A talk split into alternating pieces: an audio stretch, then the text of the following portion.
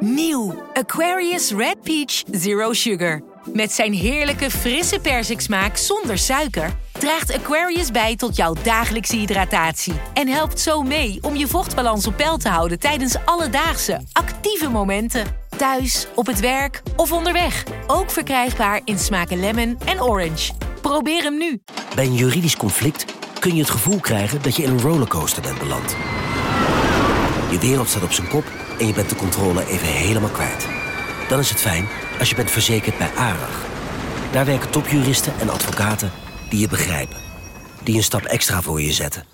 En je het gevoel van controle teruggeven. Met kennis en informatie, met heldere uitleg en met gericht advies. ARAG, juridisch probleemoplossers.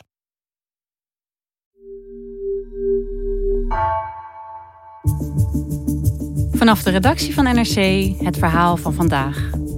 Mijn naam is Geertje Tunter.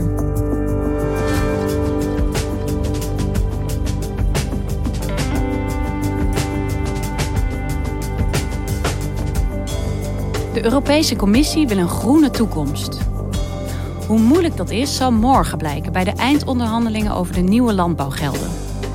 Landbouw is verreweg Europa's grootste kostenpost en daarmee ook de sleutel tot het vergroenen van de Unie. Maar het is één groot slagveld, ziet correspondent Clara van der Wiel. Staan de tractoren straks op de stoep in Brussel?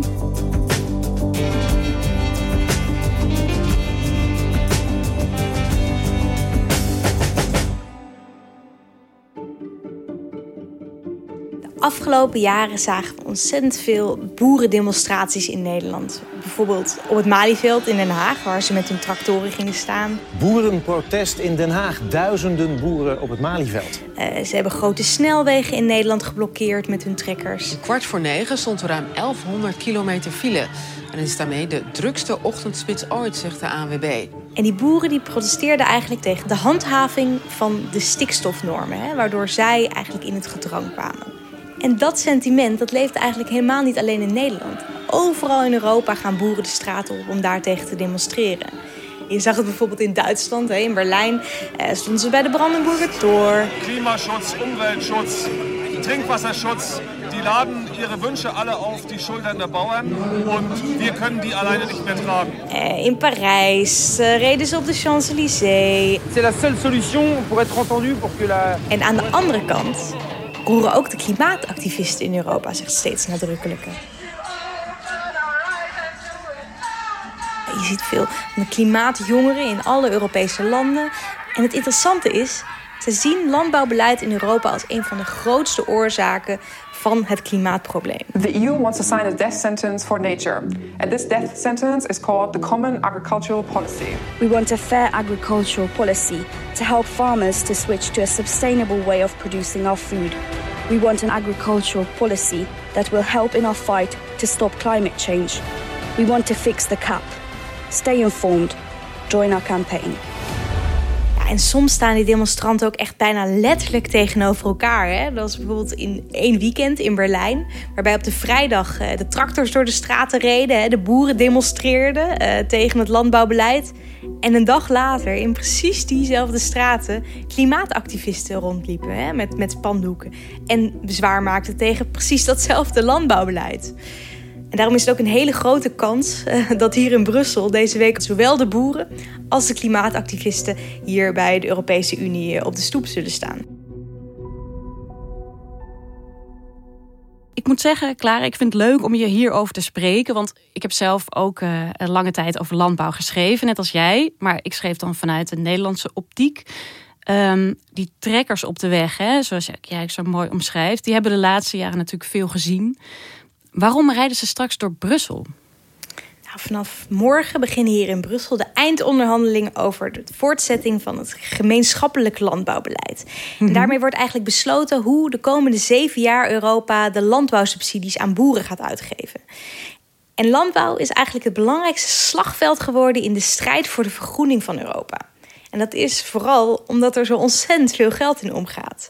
Want van de 160 miljard euro die de EU jaarlijks gezamenlijk uitgeeft, gaat de slordige 55 miljard gaat naar landbouw. En dat betekent dus dat ongeveer een derde van het EU-geld gaat naar de productie van tomaten, aardappels, vlees, graan, Al dat soort dingen. Wat een bedrag, hè? Gigantisch. Ja. Maar tegelijkertijd heeft landbouw ook een aanzienlijk aandeel in het Europese milieuprobleem. Hè? Want die grootschalige landbouw, dat betekent ook een grootschalige mestproductie, een grootschalig pesticidengebruik. Dus je kunt echt wel zeggen dat gezien de schaal van de landbouw en de grote hoeveelheid geld die erin omgaat, ligt echt de sleutel tot verduurzaming van Europa bij landbouw.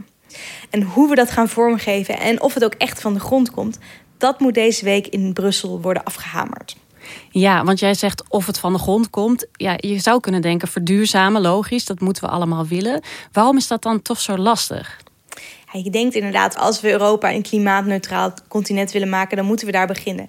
Maar in de praktijk blijkt het echt een van de lastigste dingen te zijn om te hervormen. Want dit is ook echt het, het punt waar Europees beleid het meest direct mensenlevens raakt. Heel veel van de dingen die Brussel doet, die zijn toch vaak een beetje een ver van de bedshow voor heel veel Europeanen. Maar die landbouwsubsidies, ja, dat, dat gaat echt om of een boer kan overleven of niet. En eh, dat betekent ook dat nationale overheden heel erg huiverig zijn om um, daarin te gaan snoeien. Want ja, je ziet het alweer gebeuren. Die protesten van die boeren zijn heel fel. En dat betekent ook van ja, zijn toch hun burgers uh, waarvan zij ook zien dat die het heel zwaar hebben. Ja, dus er wordt gewoon een keiharde lobby gevoerd. Zeker, er wordt een keiharde lobby gevoerd. En daarom zie je ook echt deze week die battleground in Brussel ontstaan. Hè? En ze moeten er nu uitkomen, want voor de komende zeven jaar moeten afspraken gemaakt worden. Hoe kan het eigenlijk dat landbouw ja, het belangrijkste dossier in Brussel is geworden? Ja, landbouw is eigenlijk al vanaf de stichting van de eerste voorlopers van de Europese Unie de kern geweest van Europees beleid. Hè? Uh, al bij het eerste Europese verdrag, wat in 1956 werd gesloten. En dat komt eigenlijk door de Tweede Wereldoorlog. Uh, want toen ontstonden er gigantische tekorten, was er ontzettende hongersnood. Nou, in Nederland hebben we natuurlijk te maken gehad met de hongerwinter. En er was een soort van algemeen besef dat nooit meer. Juist, dan had ik u allereerst willen vragen ons iets te vertellen over het belangrijkste punt, namelijk over de voedseltoestand. Nu, ik mag wel zeggen dat die momenteel catastrofaal is. Om de voorraden meel nog voor een iets langere periode te rekken, heeft de heer Lauwers het broodrantsoen verlaagd tot 600 gram per persoon per week. Om dat te voorkomen werden eigenlijk afspraken gemaakt om die Europese landbouw, om die productie fors te gaan verhogen en daarin ook echt samen te gaan werken. Eén uh, gemeenschappelijke Europese landbouwmarkt te creëren. Al het geld gemeenschappelijk ook te verdelen. Om ervoor te zorgen dat die landbouwproductie echt zoveel mogelijk wordt opgevoerd. Ja, dus dat geld is toen vanaf uh, die jaren gegoten eigenlijk in het verhogen van landbouwopbrengsten. Precies. Eigenlijk zorgde Europa ervoor dat de boeren gegarandeerd een goede levensstandaard hadden en Europeanen een volle buik. Dat klinkt natuurlijk helemaal niet slecht, hè? Nooit meer honger en uh, een goed inkomen voor boeren. Waarom is landbouw dan toch zo'n strijdtoneel geworden? Ja, dat was het eigenlijk ook al wel snel hoor. Vooral die, die focus die er heel erg lag op de productie, die had toch ook wel heel veel nare uitwerkingen. Boeren werden eigenlijk gestimuleerd om maar zoveel mogelijk te produceren, zelfs als er helemaal geen vraag naar was. En dat zag je bijvoorbeeld heel erg in de jaren 70 en 80. Hè? Hele boterbergen en melkplassen van overtollige productie eigenlijk. Uh, nou ja, dat werd aangepakt in de jaren negentig. Dus er werd een shift gemaakt. Niet meer werd er eigenlijk zoveel mogelijk geld gegeven voor zoveel mogelijk productie. Hè? Van hoe meer je produceert, hoe meer geld je krijgt. Maar dat werd veranderd uh, richting hoe meer land je hebt, hoe meer geld je krijgt. Ja, dat leidde weer tot andere problemen. Hè? Dat zorgde bijvoorbeeld voor dat, ja, dat je heel erg veel geld kunt gaan verdienen als je maar zoveel mogelijk land in handen krijgt. Dus dat zie je ook echt in de cijfers. Op dit moment gaat 80% van de Europese landbouwsubsidies naar 20% van de boeren. Dus je ziet dat er echt veel grootgrondbezitters tussen zitten. En daarnaast werkt zo'n systeem waarbij je zoveel mogelijk land in handen moet krijgen, natuurlijk ook heel veel fraude in de hand. De New York Times constateert na een maandenlang onderzoek in negen Europese landen dat veel landbouwsubsidies terechtkomen bij hele grote bedrijven.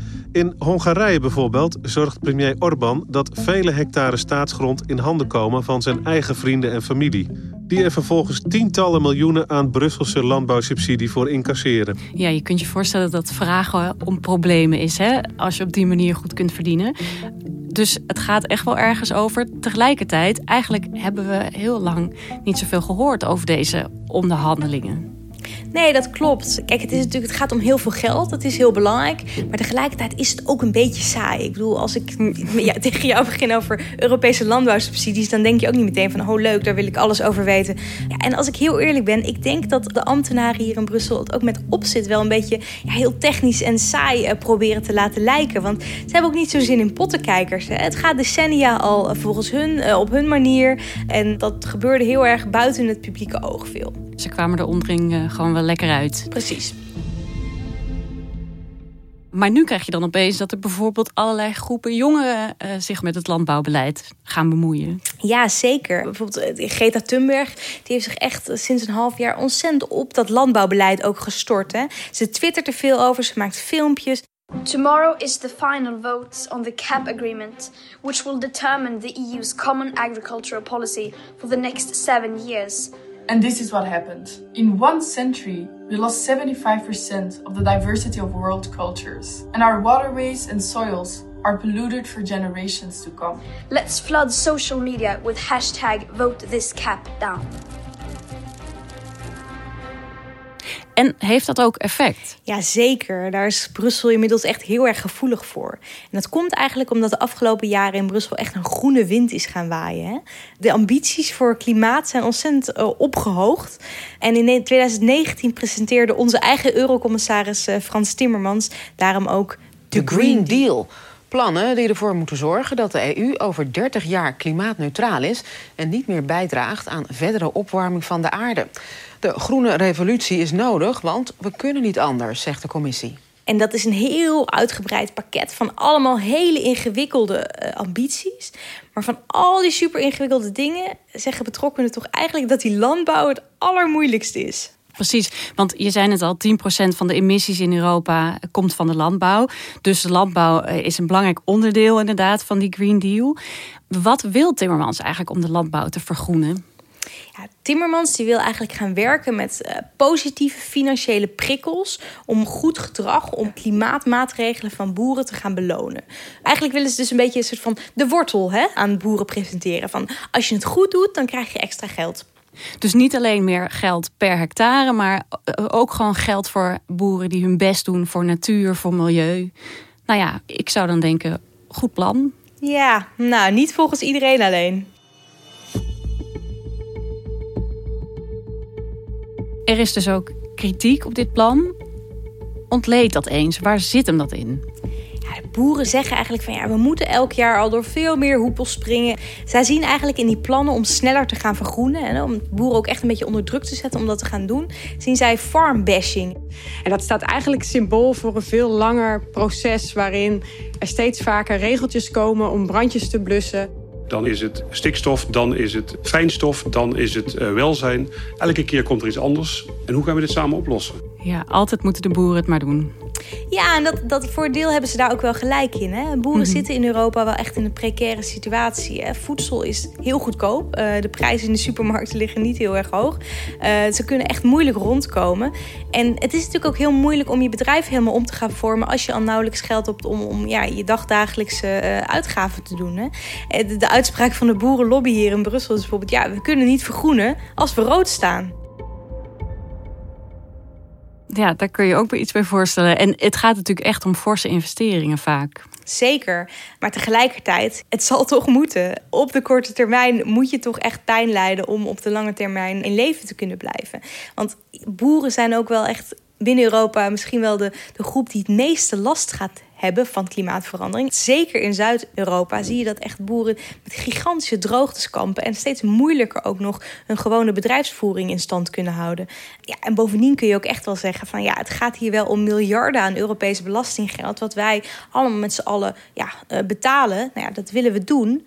Maar daar mogen we misschien ook wel wat voor terug uh, verwachten. En als wij als Europa graag willen dat we klimaatverandering aanpakken en uh, richting klimaatneutraliteit gaan, dan moeten we ook eisen daaraan kunnen stellen. Maar de boeren zijn dus boos hierover, zei je. In hoeverre wordt er naar hen geluisterd? Ja, boeren zijn altijd een hele belangrijke groep geweest in Europa, waar echt ja, die gigantische invloed kunnen uitoefenen. Dat komt natuurlijk ook wel een beetje omdat ja, als het gaat om klimaatbeleid, dan is het heel makkelijk om te roepen van ja, Shell moet meer doen en de industrie moet schoner. Maar boeren, nou ja, dat gaat toch ook wel een beetje om een soort van romantisch ideaal van, van de kleine man op het veld die, die onze voedsel produceert. Dus dat, dat is veel, ja, veel moeilijker om daar heel erg hard tegen te zijn, want ze hebben het al zo zwaar. Ja, en hoe staat Nederland in deze discussie eigenlijk? Ja, Nederland, dat zou je misschien niet verwachten, maar die heeft best wel een hele groene lijn. En dat komt ook omdat uh, de Nederlandse boeren eigenlijk relatief innovatief zijn, hè, als je het in Europa ziet. Dus Nederland uh, kan eigenlijk heel goed concurreren, ook op groene doelen, met anderen in Europa. Uh, ook andere landen, zoals Duitsland, hè, die, die staan er ook relatief groen in. Precies, dus um, aan de ene kant heb je lidstaten als Nederland en Duitsland die zeggen: laat maar komen, wij kunnen dit wel. Of uh, misschien doen we het al zelfs wel. Uh, aan de andere kant heb je lidstaten en boerenorganisaties die juist dwars liggen. Wat betekent dat nou voor Frans Timmermans en zijn Green Deal? Ja, in principe stelt de commissie stelt een plan op. En die heeft dus allerlei dingen voorgesteld. Maar uiteindelijk gaat het om wat Europese lidstaten en het Europees parlement daarvan maken. Want het is een democratie, hè? Dus zij gaan er uiteindelijk over om daadwerkelijk uh, plannen ook echt uit te werken en goed te keuren. En tussen die lidstaten en Europarlementariërs bestaat dus nog grote verdeeldheid. Zeker. En dat maakt het ook gewoon heel lastig om er deze week nog uit te komen. Het klinkt inderdaad als iets waar je niet zomaar uitkomt. En toch moet er een beslissing gemaakt worden, toch? Ja, zeker. Daarom begint deze week, morgen hier, een soort van superonderhandeling. Hè? Dus alle mm -hmm. lidstaten, het Europees Parlement en de Commissie, uh, die komen bij elkaar, gaan bij elkaar zitten en die moeten er toch voor zorgen dat de neus dezelfde kant uh, op komen. Wat betekent dat dan in de praktijk, zo'n superonderhandeling? Ik bedoel, wat, wat gebeurt er de komende dagen?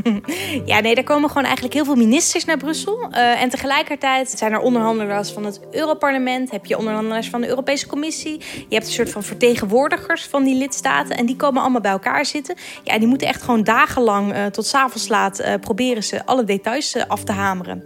Dus een heel Brussels circus eigenlijk. Ja, het gaat ook echt wel ergens om. Hè? Het gaat toch om de toekomst van ons landbouwbeleid. De toekomst van hoe we al die miljarden gaan uitgeven in Europa. En daarmee ook van ja, de toekomst van hoe we gaan proberen om dat landbouwbeleid in lijn te krijgen met de Europese klimaatambities. Daarom moet het ook nu lukken, vindt Frans Timmermans. Wat gebeurt er eigenlijk met de landbouw als we die klimaatcrisis niet onder controle krijgen? We hebben nu al te maken met enorme uitdagingen van droogte door die klimaatverandering. Dus uh, ik zou boeren willen vragen, als we nou doorgaan zoals we nu bezig zijn, waar eindigen jullie dan als boerenstand over 10 of 20 jaar? Hoe kijk jij daarnaar? Ik bedoel, wat er nu in Brussel besproken wordt, die superonderhandeling, gaat er iets veranderen?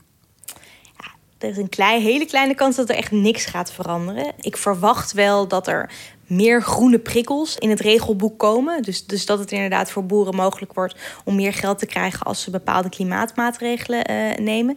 Ja, en ook landen zullen uh, toch uh, ook plannen moeten gaan opstellen volgens de commissie. Waarin ze eigenlijk ja, schetsen hoe zij denken te gaan vergroenen de komende jaren. Uh, dus eigenlijk worden de komende jaren ook nog steeds heel erg interessant. Hè? Want er worden nu een soort van grote lijnen worden vastgelegd. Maar ja, hoe streng gaan we daar ook echt daadwerkelijk mee om? Hè?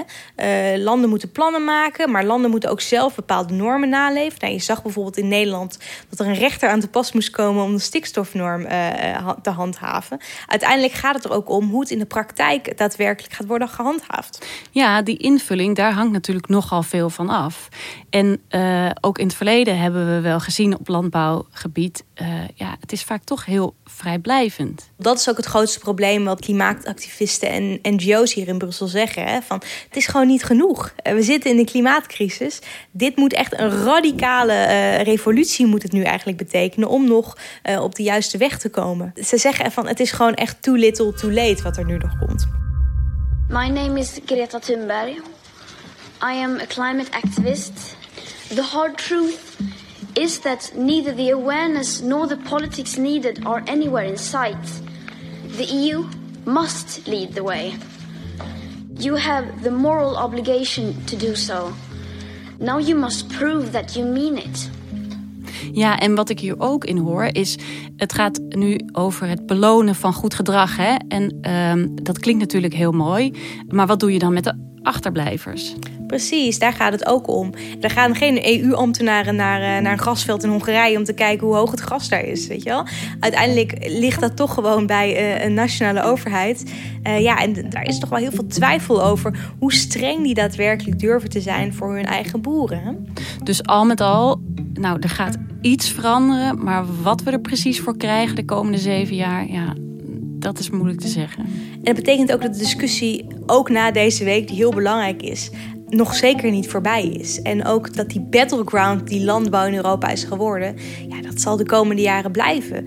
Ik verwacht ook dat er demonstraties blijven komen, zowel van de boeren als van de klimaatactivisten. En die zullen waarschijnlijk ook echt steeds feller worden. Dus het is niet de laatste keer misschien dat er eh, tractoren door Brussel rijden? Zeker niet. Dat gaat blijven komen. Dankjewel, Clara. Graag gedaan, Geertje. Je luisterde naar Vandaag, een podcast van NRC. Eén verhaal elke dag. Deze aflevering werd gemaakt door Allegria Ioannidis, Henk Ruigrok van de Werven en Jan-Paul de Bond. Dit was vandaag, morgen weer.